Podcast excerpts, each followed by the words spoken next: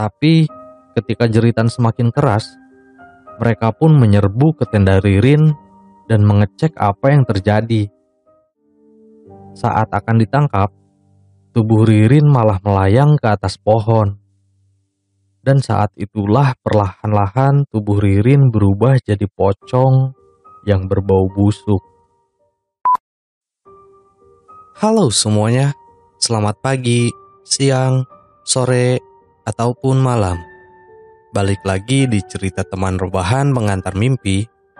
Kali ini kita akan coba bawain lagi cerita yang berjudul uh, Pocong Ririn yang sempat menggemparkan Sukabumi. Kemarin kita sudah uh, ceritakan di part 1 tentang kenapa Ririn bisa seperti itu.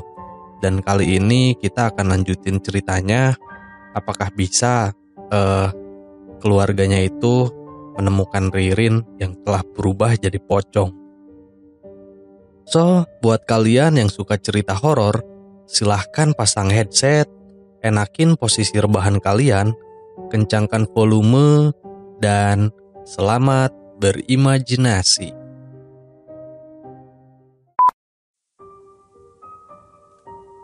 Rombongan pencari pocong Ririn bingung memulai pencariannya dari mana. Karena ternyata jin penguasa Gunung Salak tidak mau ngasih informasi Ririn diusir ke mana. Mereka pun semakin mati gaya. Tapi pada akhirnya, mereka memutuskan untuk sowan dan sekaligus minta tolong ke para ustadz atau kiai sekitar situ yang dianggap paham soal dunia gaib.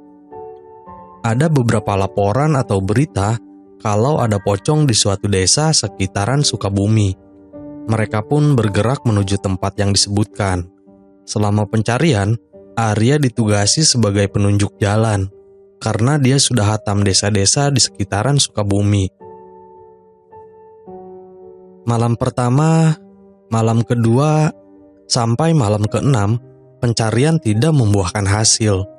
Tiap kali datang ke desa yang disinyalir ada pocong, ternyata tidak ada.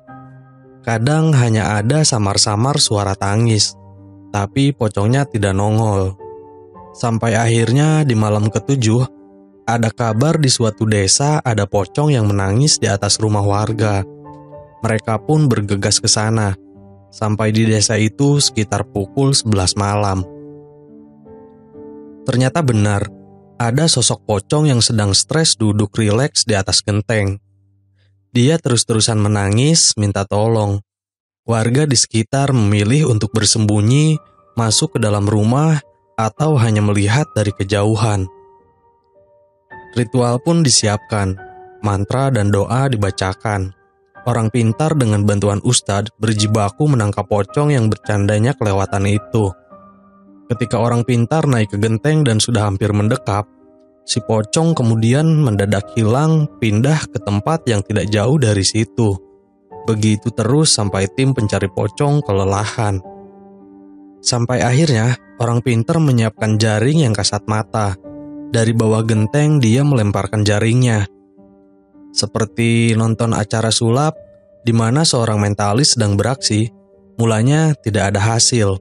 Tapi dengan dibantu oleh ustadz dan mantra dadro tapi dengan dibantu oleh ustadz dengan mantra dan doa, akhirnya pocong Ririn terjerat jaring. Dengan susah payah, nafas ngos-ngosan dan keringat bercucuran, si orang pintar menarik pocong ke bawah. Setelah sampai di bawah, si pocong yang terus berusaha lepas itu didekap erat dan dicopot pocongnya oleh orang pintar dengan bantuan ustadz. Setelah kain pocong terlepas, kain tersebut berubah lagi menjadi mantel. Tubuh Ririn terkulai lemas di tanah dengan keadaan telanjang bulat, dengan beberapa luka di tubuhnya. Badannya yang dulu berisi, sekarang jadi kurus kering kurang gizi. Saat itu, badan Ririn lemah lunglai tak berdaya, karena selama seminggu terperangkap mantel maut yang dihuni jin penguasa tambang itu, mana sempat makan dan minum. Aroma bau busuk menyeruak menusuk hidung. Arya yang berada tidak jauh dari arena duel jin penguasa tambang dan para orang pintar tadi sampai mau muntah. Setelah mantelnya dibakar dengan disertai doa, Mereka pun membawa Ririn ke rumah sakit. Di sana Ririn menjalani pemulihan selama empat hari. Selama di rumah sakit, Arya masih setia ikut menjaga Ririn dengan ditemani si orang pintar. Karena si jin penguasa tambang masih bebas berkeliaran dan ditakutkan akan melakukan balas dendam. Esoknya, ibunya Ririn dan teman ceweknya Ririn datang menjenguk. Mereka menangis melihat nasib Ririn. Saat itu, ibunya marah besar pada suaminya. Sampai kapan main ilmu-ilmuan? Apa nggak kasihan lihat anak sendiri jadi korban? Setelah Ririn dinyatakan sehat, rombongan keluarga Ririn langsung pulang ke Jakarta. Arya pun lega. Urusan perpocongan akhirnya tuntas. Dia bisa pulang ke rumah dan melanjutkan hidup, memanggul karung isi tepung di pasar. Tapi ternyata Arya salah besar. Ririn sebenarnya masih dalam penguasaan jin penguasa tambang. Dia tidak rela karena mantel yang sudah jadi sarangnya dibakar habis. Dia menuntut bapaknya Ririn membelikan mantel yang sama persis dengan mantel sebelumnya. Kalau tidak dituruti, Ririn akan terus diganggu dan kemungkinan besar nyawanya terancam. Jin penguasa tambang tidak akan bisa lepas dari bapaknya Ririn jika tidak dikasih tumbal dari keluarga Ririn sendiri. Di malam setelah menumbalkan dua karyawannya, bapaknya Ririn didatangi jin penguasa tambang yang marah besar. perjanjian antara aku dan kamu. Jika ingin membatalkan atau mengakhiri, kamu harus mengorbankan keluargamu sendiri, bukan orang lain. Beberapa hari setelah Ririn pulang ke Jakarta, Ririn telepon Arya. Intinya, Ririn minta Arya main ke rumah Ririn di Jakarta. Dia ingin ketemu Arya, tapi Arya belum bisa menyanggupi karena memang belum liburan sekolah. Hari berikutnya, bapaknya Ririn yang telepon. Dia benar-benar serius minta Arya main ke rumah Ririn di Jakarta. Soal biaya dan lainnya, bapaknya Ririn yang ngurus. Pokoknya Arya diminta dengan sangat untuk datang ke Jakarta. Karena sungkan, Arya pun menyanggupi. Datanglah dia ke Jakarta bersama kakak temannya yang dulu jadi tour guide di Gunung Salak. Padahal saat itu tidak libur sekolah, Arya berani bolos karena bapaknya Ririn yang menjamin semuanya. Dia izin langsung ke kepala sekolahnya Arya. Sesampainya di terminal Lebak Bulus, Arya dijemput oleh bapaknya Ririn. Di rumahnya Ririn yang super mewah, Arya dan kakak temannya ngobrol tentang banyak hal. Hingga tak terasa hari telah sore, jarum jam menunjukkan angka tiga. Artinya mereka harus balik pulang kalau tidak mau kemalaman di Sukabumi. Saat pamit pulang, Ririn menahan mereka. Eh, pulangnya nanti saja. Ririn kan masih kangen, masih ingin ditemani. Nginep saja di sini.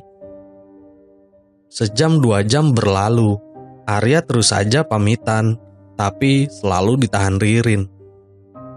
Kenapa sih? Ririn kan sudah bukan pocong lagi. Kalau abangnya atau kakak temannya Arya mau pulang, pulang saja dulu. Pintar Ririn serius. Dan benar, kakak temannya Arya pun cabut pulang ke Sukabumi meninggalkan Arya sendirian. Ya sudahlah, pikir Arya, dia juga menikmati kemewahan yang ada di depannya. Malam itu Arya yang belum tidur nonton TV sendirian di ruang tamu. Dilalah ada telepon masuk di handphonenya. Ternyata dari teman ceweknya Ririn. Ini bener Arya ada di Jakarta nginep di rumahnya Ririn, kata si cewek di seberang sana. Iya benar, kenapa? Tanya Arya.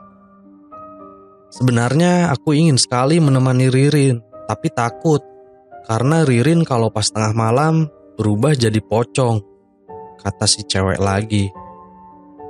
Tentu saja Arya nggak percaya begitu saja, walaupun ia tetap merasa takut.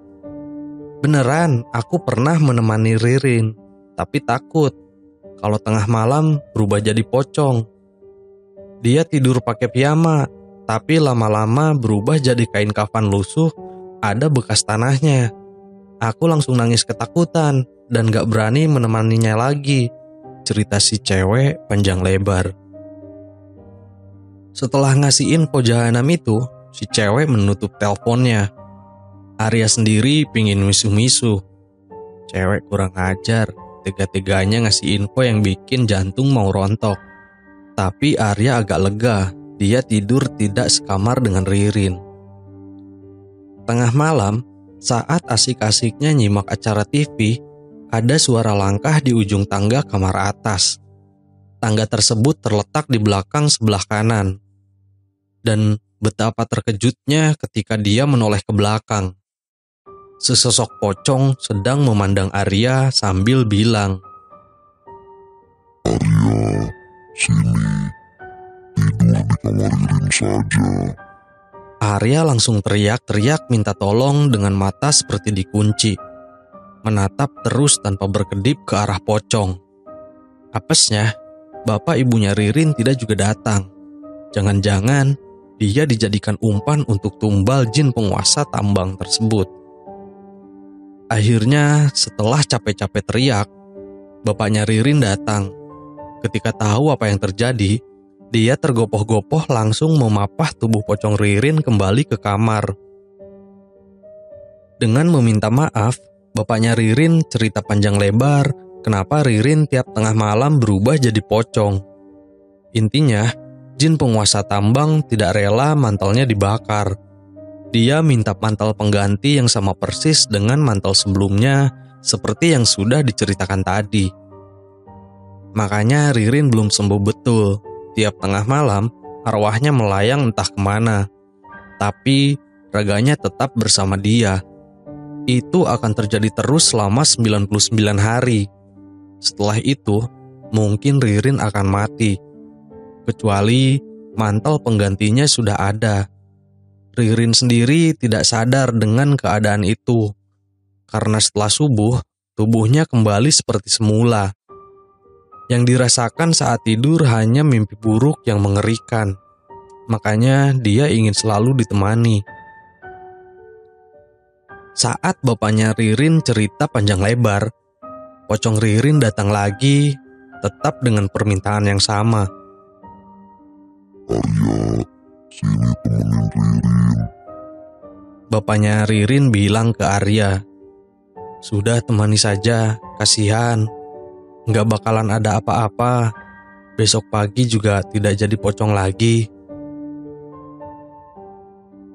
Akhirnya dengan berat hati, Arya pun menemani Ririn, tapi tidak sampai masuk ke dalam kamar. Dia hanya di bibir kamar dekat pintu. Kalau ada apa-apa bisa lari kencang tanpa penghalang. Penampakan Ririn saat jadi pocong benar-benar bikin merinding. Wajahnya putih pucat pasi, hidungnya disumpali kapas, dan kain kafannya kotor seperti mayat yang digali lagi dari kuburannya. Antara takut dan tidak tega melihatnya, sampai kapan Ririn akan seperti itu?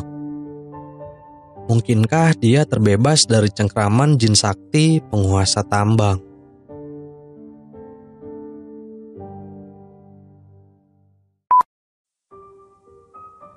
Ya, jadi itulah tadi cerita di mana Ririn bisa ditemukan pada akhirnya, tetapi dia masih saja diganggu oleh jin penunggu tambang tersebut.